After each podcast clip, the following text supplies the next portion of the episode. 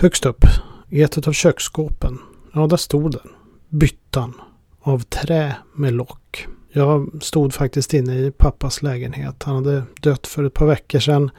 Och jag skulle rensa ut allting och försöka ordna upp dödsboet. Faktum var att han hade skänkt mig massor med böcker. Han älskade böcker och menade att böcker kommer att leva för evigt. Problemet var att det gör ju inte böcker. Idag så tar man inte ens emot böcker på olika återvinningsställen. Böcker och tjock-tv-apparater är det sista man vill ta emot. Och pappa hade så mycket böcker att jag inte kunde forsla ner dem hem till Sollentuna från Boden. Istället så skänkte jag dem till eh, biblioteket på servicehuset där han bodde. Men en del tog jag med. Såsom Biggles i Östersjön, den första bok han läste för mig. Och när jag öppnade den här byttan och fann de små lapparna med lagen som jag hade skrivit ner, bara engelska lag. De låg huller om buller. Alltid redo för en ny lottning i FA-cupen. Tar upp en av lapparna. Och på den står det Bristol City. Och faktum var att en av de böcker som, förutom Biggles i Östersjön, som pappa läste för mig, var Skattkammarön av Robert Louis Stevenson. Och det skeppet som skulle hämta kapten Flints skatt avseglade från just Bristol. Och jag kan än idag känna rysningarna. Det var de böckerna jag växte upp med. Det var de böckerna pappa läste. Och det var pappa som satt och sov framför tvn och Tipsextra stod på.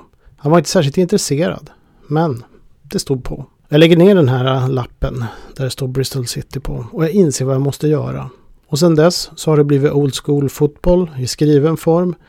Det har blivit i poddform och jag har nu också skrivit boken Tipsextra, klubbarna, matcherna, spelarna. Och nu tänker jag ta nästa steg. Jag har nämligen beslutat mig för att försöka leta reda på fans eller supportrar som likt mig också är uppväxta med Tipsextra och kanske också några som inte är det. Och jag vill föra samtal och jag vill se och höra om deras erfarenheter på något sätt påminner om mina erfarenheter. Men jag vill också att vi ska prata om spelare. Vi ska prata om lag. Vi ska prata om företeelser. Och först ut är en herre som är en av de största, kanske största Liverpool-supporter som jag har mött. Han har över 100 matcher live under bältet. Vi kommer att dela upp det här i tre avsnitt. Det första avsnittet handlar om supporterskapet och hans uppväxt. Det andra avsnittet, där utmanar vi varandra med att ta ut olika älvor. Och det kommer att bli en eh, orgie i olika spelarnamn och minnen från den här tiden. Och så avslutar vi det tredje avsnittet med eh, lite funderingar mer kring olika spelare och profiler. Och sen också lite grann var vi är i nuet just idag. Och kanske lite om framtiden.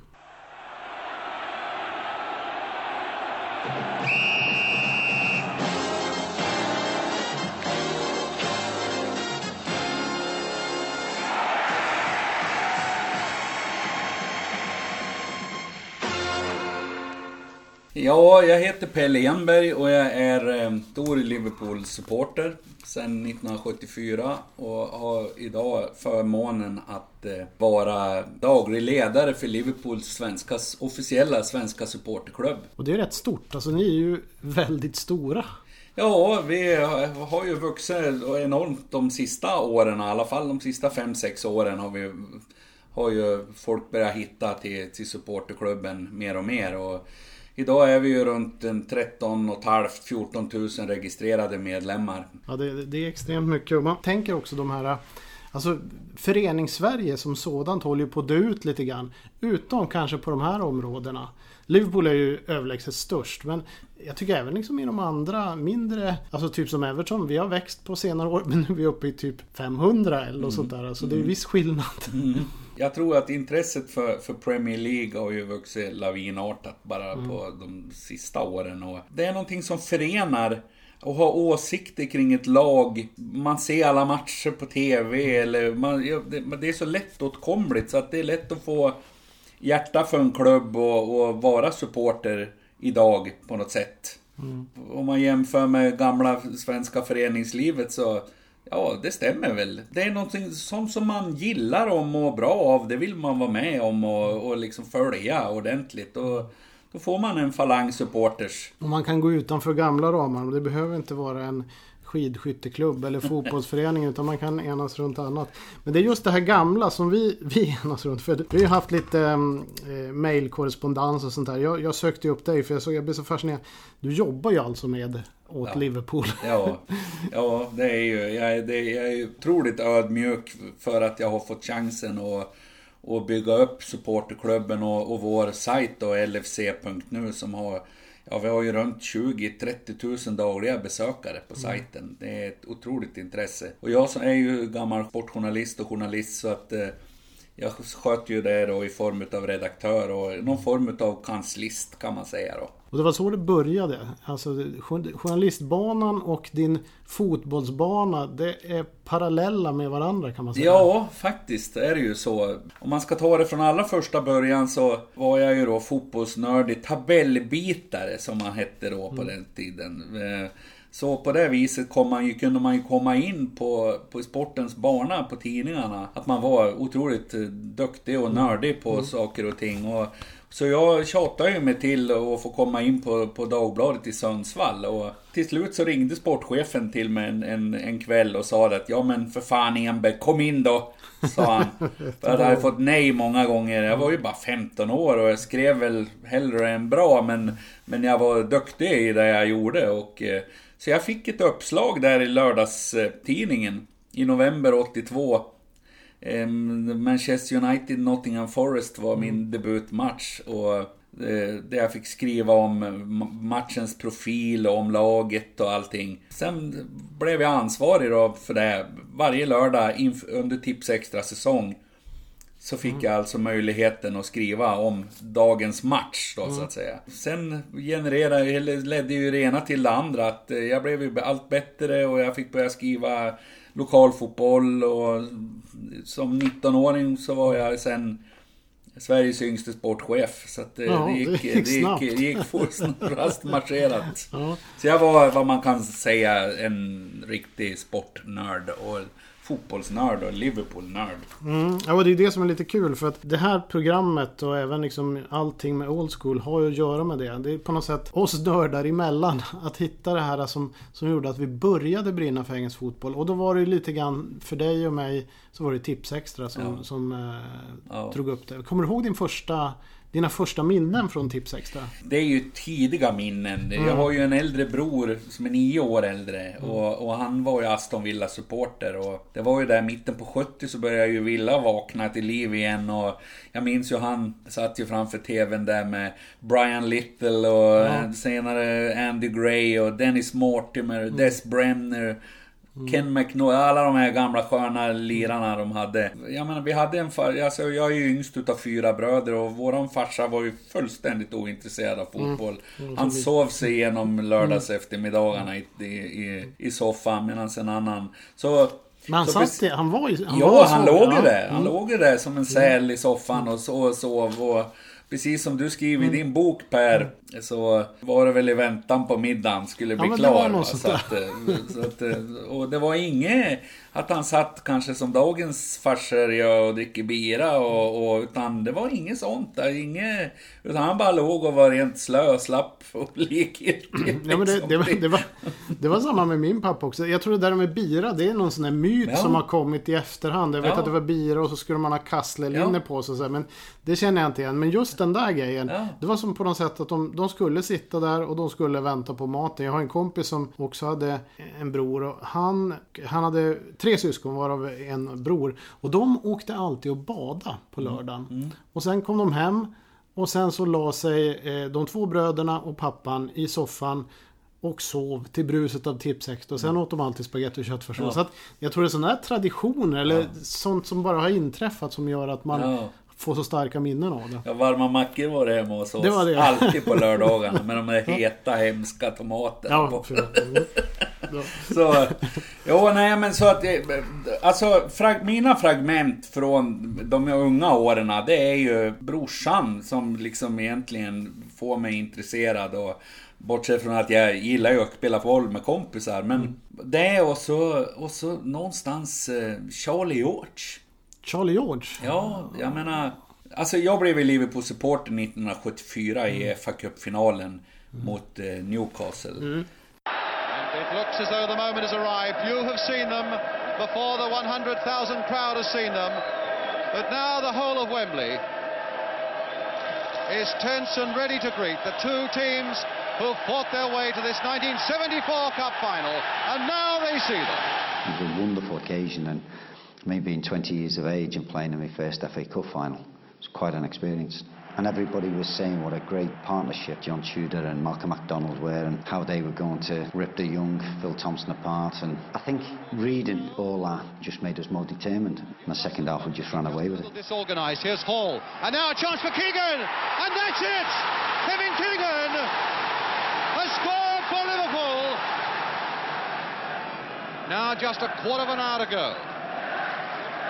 Backheader there by Toshak now for Highway. Number two, Steve Highway. That's the one, I think. Kevin Keegan trying his tricks, and there's the floating cross again. Tommy Smith almost arrogantly putting it there for Brian Hall. Back again for Tommy Smith. Turned inside for Highway. Playing it again for Smith. What a good move. Oh,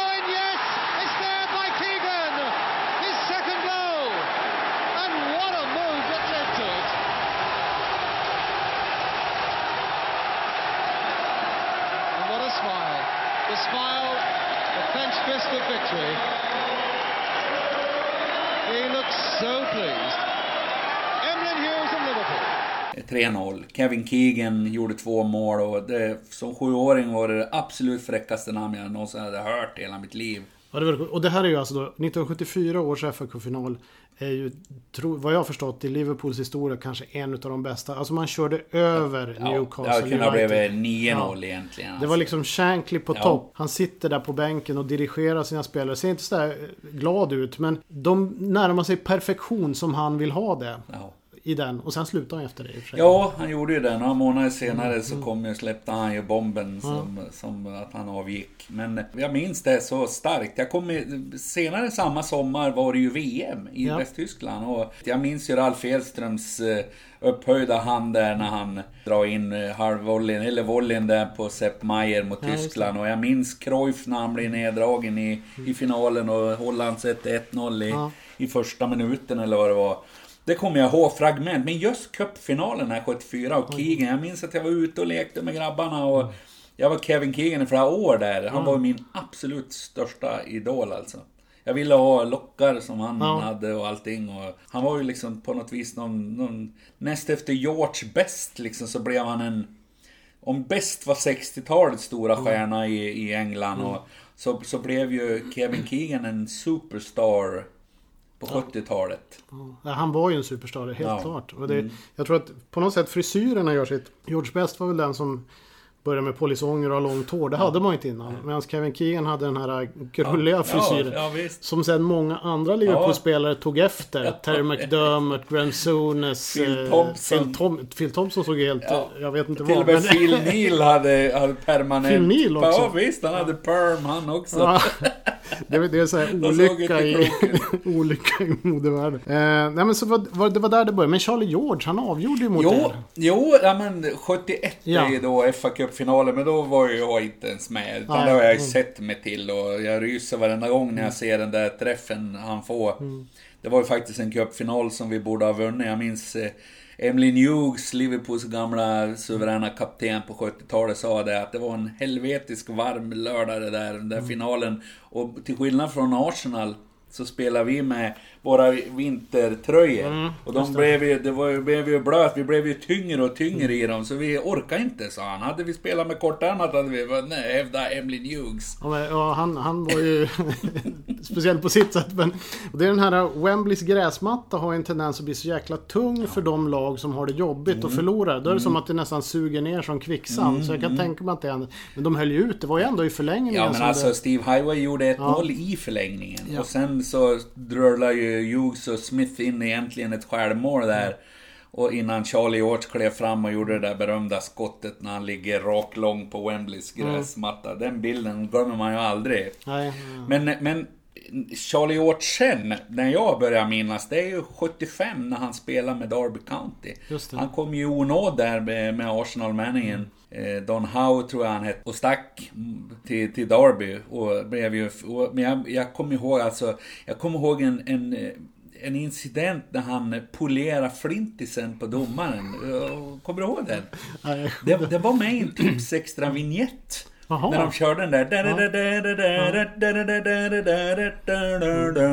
Gick det ju där. Ja. Och då ser man ju Charlie Hjort gå fram till en flintskallig domare och så här på ärmen och polera flinten bara. Det kommer inte du ihåg kanske? Ja, jag var, jag, mina första minnen kommer lite senare. Andra, de andra minnena, jag är ju marginellt yngre än vad Jo, du är. jo. Men då, kom, då började det komma någonstans 76 till 78 där kring. Eh, Så började liksom med, med Bob Latchford och så Mm. Ja. eftersom jag är Everton-supporter. Eh, Charlie, Charlie George är ju, alltså det var ju Arsenals eh, s- egentligen store stjärna som kanske aldrig blev så bra som man trodde att han skulle bli. Men han symboliserade ju 70-talet så jäkla mycket. Ja, alltså om jag säger så här, tre spelare Mm. som verkligen för mig symboliserar 70-talet. Ra- Om jag bara nämner dem så här i all hast. Det är faktiskt eh, Charlie George, Kenny Hibbit och Emily Hughes. Mm, Ja men de är ju tunga. Kenny Hibbett i, i Wolverhampton. Och han var ju en sån där också som verkligen blev tipsextra. För han gjorde ju, han gjorde framförallt en riktigt bra match. Tyvärr då mot mitt lag Mm. Everton i tipsextra. Just den där matchen har satt sig hos svenskarna. Så att han, det fastnade där och han blev liksom en, Mm. Ja, en men stor han klev ju profil. in i, i, i, i svenska vardagsrummet. Rakt in. Och, Ja. Eh, du vet Peter Karlsson som jobbar på Ja. Expressen, han gjorde ju en bok på, på 90-talet där han eh, tog ut sin egen favoritelva. Just det, då var Hibbett med. Ja, Och Charlie. George, va? Charlie George är med och Emily Hughes är med och, och han, jag tyckte när jag läser den boken så, jag har han hemma i bokhyllan. Så, ja, det var ju de här spelarna, han fick, jag tyckte han gjorde ett otroligt urval där Mm. med Pat Jennings i mål och Billy Bremner på mittfältet, den lilla Ettemyra. eh, Ja, spelare. Eh, men det var profiler han hade riktat in sig på mer än att få ihop ett eh, favoritlag mer. Och, och, och där är ju, det, det går inte att, att lämna dem där här när man pratar tips extra epok. De, Charlie George, Kenny Hibbit är, och det, frågar du någon som är född 60-tal och, och en bit in på 70 så, så vet de precis vilka gubbar vi snackar om. Sen eh, Emlyn Hughes som då var Liverpool-kapten i Ja. många år. Och han, jag tror han avslutade karriären. Nej, han avslutade. Men han spelade i Wolves sen och vann en cupfinal Ja, alltså han, han fick ju lämna Liverpool där för att benen bar han inte riktigt. Nej. Men då blev han ju lagkapten i Wolverhampton som gick och vann ligacupfinalen på Wembley mot Nottingham Forest 1980. 1980. Och det var ju hans stora grej, för det var den enda buckla han saknade i prishyllan. Han hade ju vunnit Europacupen och ligan och Uefa-cupen och FA-cupen. Det. Och du, Han fick en fantastisk avslutning. Sen var han ju manager i Rotherham några år innan han gick in i businessvärlden. Och Tyvärr så dog han ju Ja, han gjorde det. 2004. Några dagar innan Liverpool slog Olympiakos den där fantastiska matchen innan vi vann i Ista- i Istanbul 2005. Men det var en spelare som märktes, det var det ju. Ja, fantastisk. En, en eh, ot- otrolig energi. Jag hade en stor plansch ovanför sängen på Emily Hughes Ja, där i slutet på 70-talet. Men du, det, det fanns ju en... eh, Var det inte så att Tommy Smith, Liverpools hårdföre kille och Emlyn Hughes, de, hatar drog varandra. inte jämnt. Nej, de hatar Nej. varandra. Men det märktes aldrig på Nej, inte på planen. plan. De till och med kramas när någon av dem gjorde mål. Jag har sett... Jag har funderat på det där många i- gånger i efterhand. Men eh, de, alltså, de var alltså professionella. Så, Ja. så fort det var på planen, då var de såta vänner. Men privat så tålde de inte varandra. Nej, jag kan tänka på det. Men det var, hade ju att göra med att Hughes tog över kaptenskapet utav Smith där tidigt 70-tal. Sedan Hughes hade varit och, och gullat lite grann med Bill Shankly där. Och det var ju typiskt Hughes. Eh, Ja. Han, han kunde ju prata för Ja. sig. Tommy Smith var liksom den hårdföre som ville, ville Ja. att spelet skulle prata. Ja, ja men så var det ja. Det- Så är ledartyper på olika sätt egentligen. Ja, får han man ville säga. att revbenen skulle prata kanske. Det lite så var det. Men det var där du började, någonstans på 70-talet. Mm. Ja. Charlie George, Ja. Emily Hughes Ja. och så vidare. Det Och sen, sen, sen har det där hängt med. Ja, hela livet. Utan avbrott alltså. Så är det ju så. De bästa minnena då från Tipsextra-tiden? Du? Kan du? Det är alltid svårt att hitta. Ja, jag har ju faktiskt eh, en... eh, Jag tänker då på en match kan det vara november eller december 81. Det är ett derby, Liverpool-Everton på Anfield. Liverpool har startat säsongen bedrövligt. Mm. Och eh, medierna skriver ju att King Kenny Dalglish är slut. Han har ju gjort två eller tre mål på hela hösten. Och i det derbyt är han ju helt magisk. Gör två fantastiska mål. Liverpool vinner med 3-1.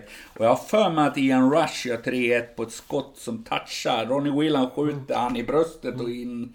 Men det är en match som har ets- etsat sig fast. Oh.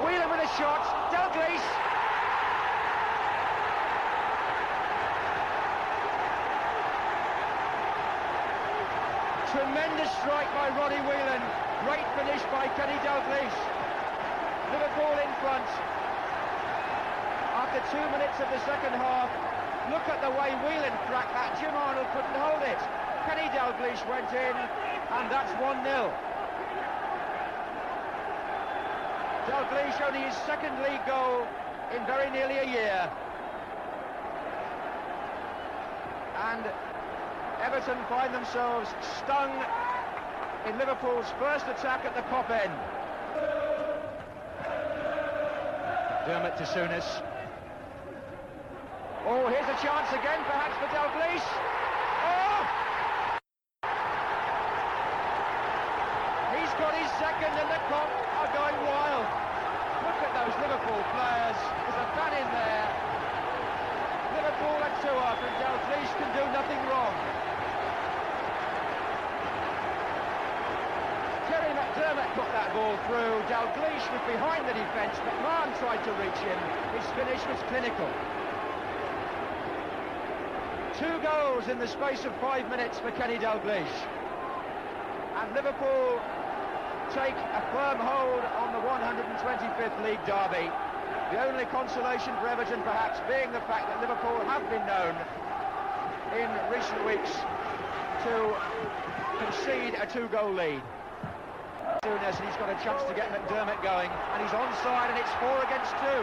Look at this for outnumbering the opposition. Dalglish plays it on, and there's the shot from Johnson, and Johnson, Rush was it? It seemed to go in off Rush.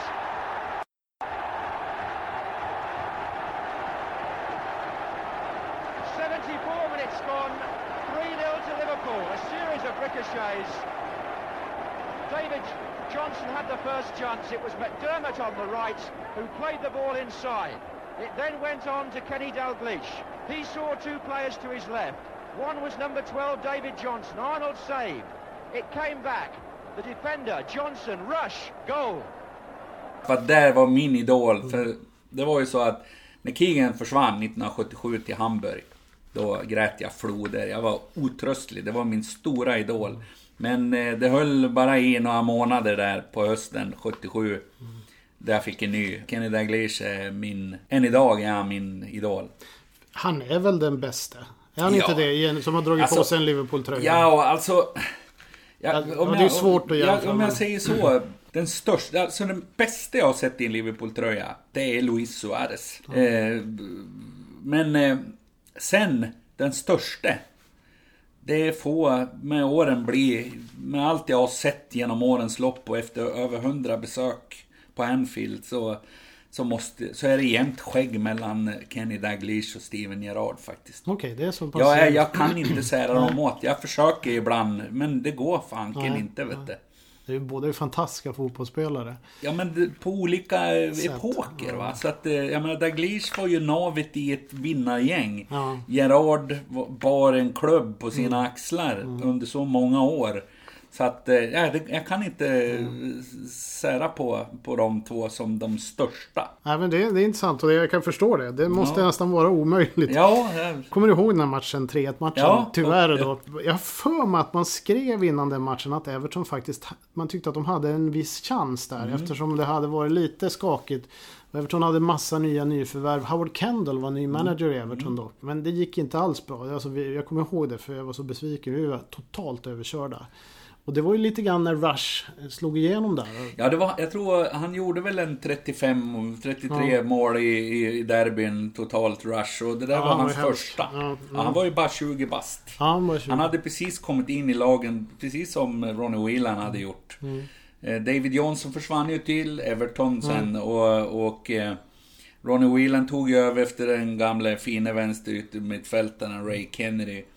Eh, De gjorde det samma höst, men det där var vändningen på hela säsongen för att vi vann ju ligan i stor stil där då våren eh, 82. Jag tycker ju att det här var den bästa upplagan som jag har sett av Mm. Liverpool. Alltså rent tipsextramässigt. För den kändes överlägsna då. Ni, Det var någon match ni vann över Ipswich med 4-0. 4-0, då det hade de ändå liksom varit ligautmanare Ja. säsongen innan. Ja. Tror ni spelade Aston Villa med 3-0 också. Fast Alltså, glöm ni, inte att i den matchen mot Ipswich så var det ju faktiskt så att eh, Ipswich hade ju en jäkla massa skador. Det glömmer Ja, jag inte. De var till och med tvungna att dra ner John Walk som mittback. Okej. Och det var ju inte hans eh, preferda eh, position om man säger så. Utan vi, men de hade en sjukstuga av Guds nåde just den matchen. Men vi lekte ut dem. Det gjorde Ja, vi ju. ja, det var ju då. ändå... Jag Men, tror eh, det avgjordes i första halvlek. Ja, ja, det var, det var en, en ren propaganda var det faktiskt. Din relation då till Tipsextra, det, det, är liksom, det är uppväxten. Ja, alltså jag missade ju inte en match på Tips Extra. Alltså det var heligt. Det var bara heligt. Jag kommer ihåg eh, någon gång när jag hade varit uppe i Ånge som grabb och spelat hockeymatch. Och jag, hela dagen så längtade jag efter för att de skulle visa Coventry-Liverpool. Ja, ja. På, på, på klockan 16. Och jag ville ju inget annat. Ånge är ju en timmes bilåkning tillbaka till Sundsvall då, där jag, där jag bor. Och Njurunda och, och Kvissleby. Och jag skyndade på. Jag gjorde en skitmatch kommer jag ihåg. Jag kanske var 10-11 år. Och jag bara tänkte på den där matchen. Det var en jätteviktig match. Och så kom han hem. Hoppade ner i, i, i soffan. Och bara få mötas av att matchen var inställd. Den var ju bortsnöad eller bortregnad. Jag tror att det var för mycket snö. Det var en djävulsk vinter i England den säsongen. Men jag kommer ihåg att jag, jag var helt tokig. Jag grinade och jag menar det var...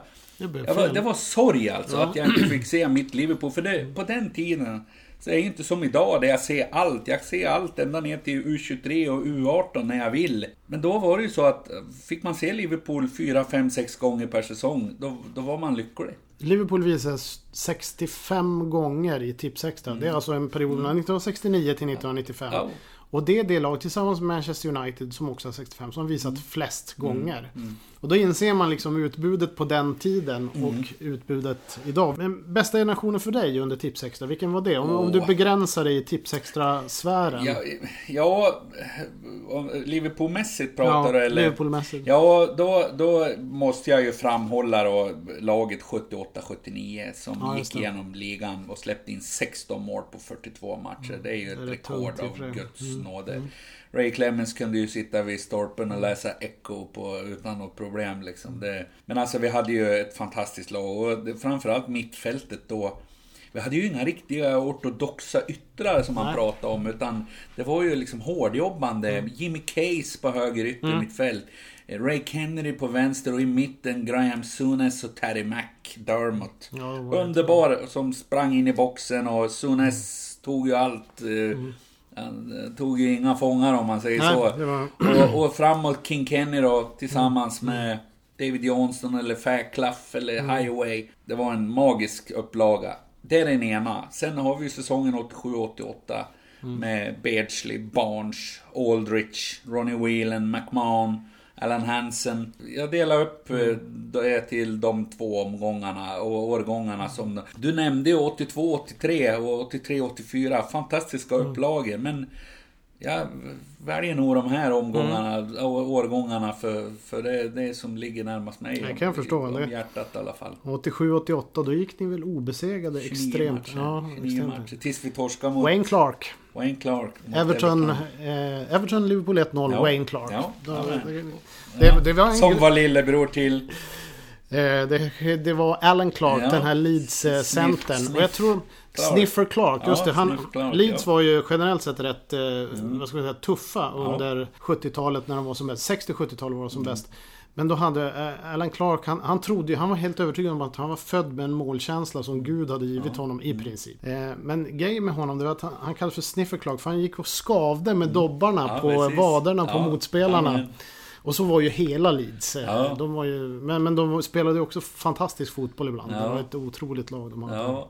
Jo men eh, det också, när du pratar tips extra minne måste jag ju bara skjuta in att jag hade ju en större bror då, eller har en större bror.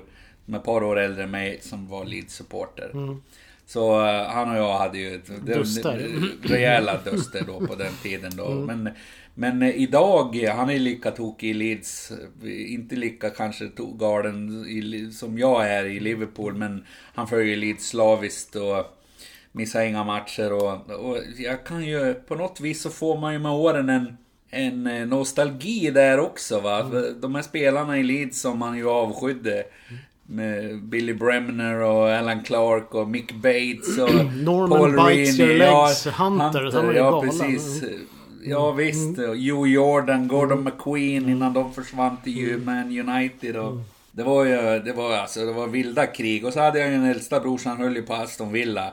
Så att eh, det var, det var full högning på matcherna när, när det var på TV. Ofta mötte Liverpool av någon anledning Aston Villa. Ja, Men eh, det var inte så många Liverpool-Leeds-matcher där. För Leeds var ju liksom, på slutet på 70-talet så var de ju lite på väg ut för. Ja, de var väl som bäst eh, mitten av 60-talet till mitten Ja. av 70-talet. Sen så i princip när Don Revy lämnade, så managern då, så, så dök det. De hade väl Europacupfinal säsongen Ja. efter, men sen var det ju Ja, liksom... när, när Björn Andersson blev söndersparkad av Terry. Året i, i finalen. Det kommer man ihåg. Så, så, men eh, på något sätt så...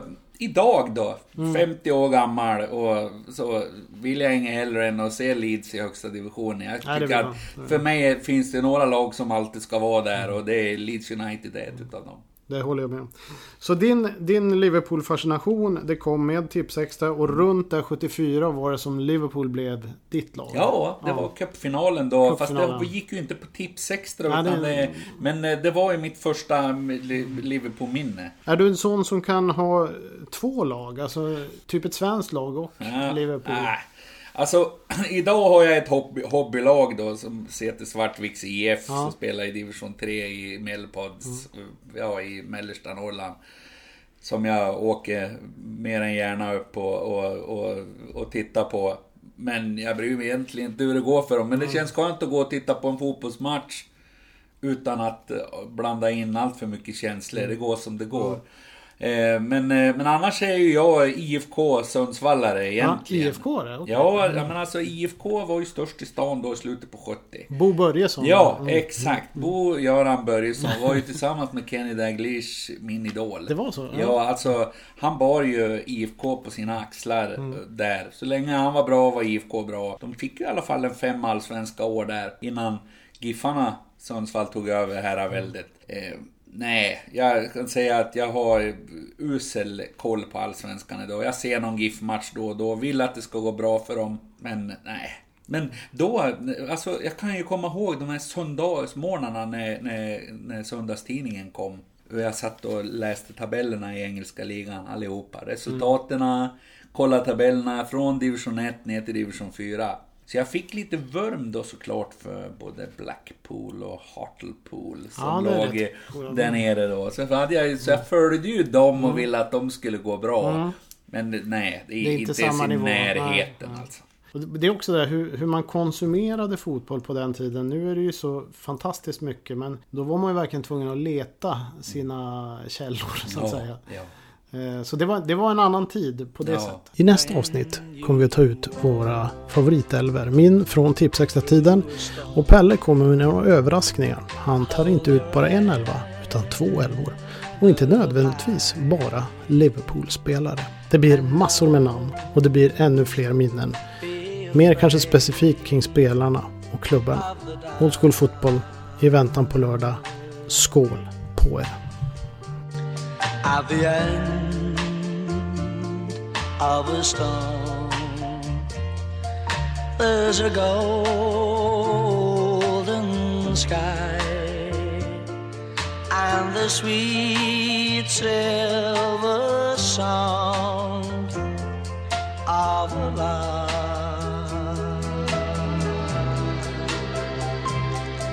Walk on.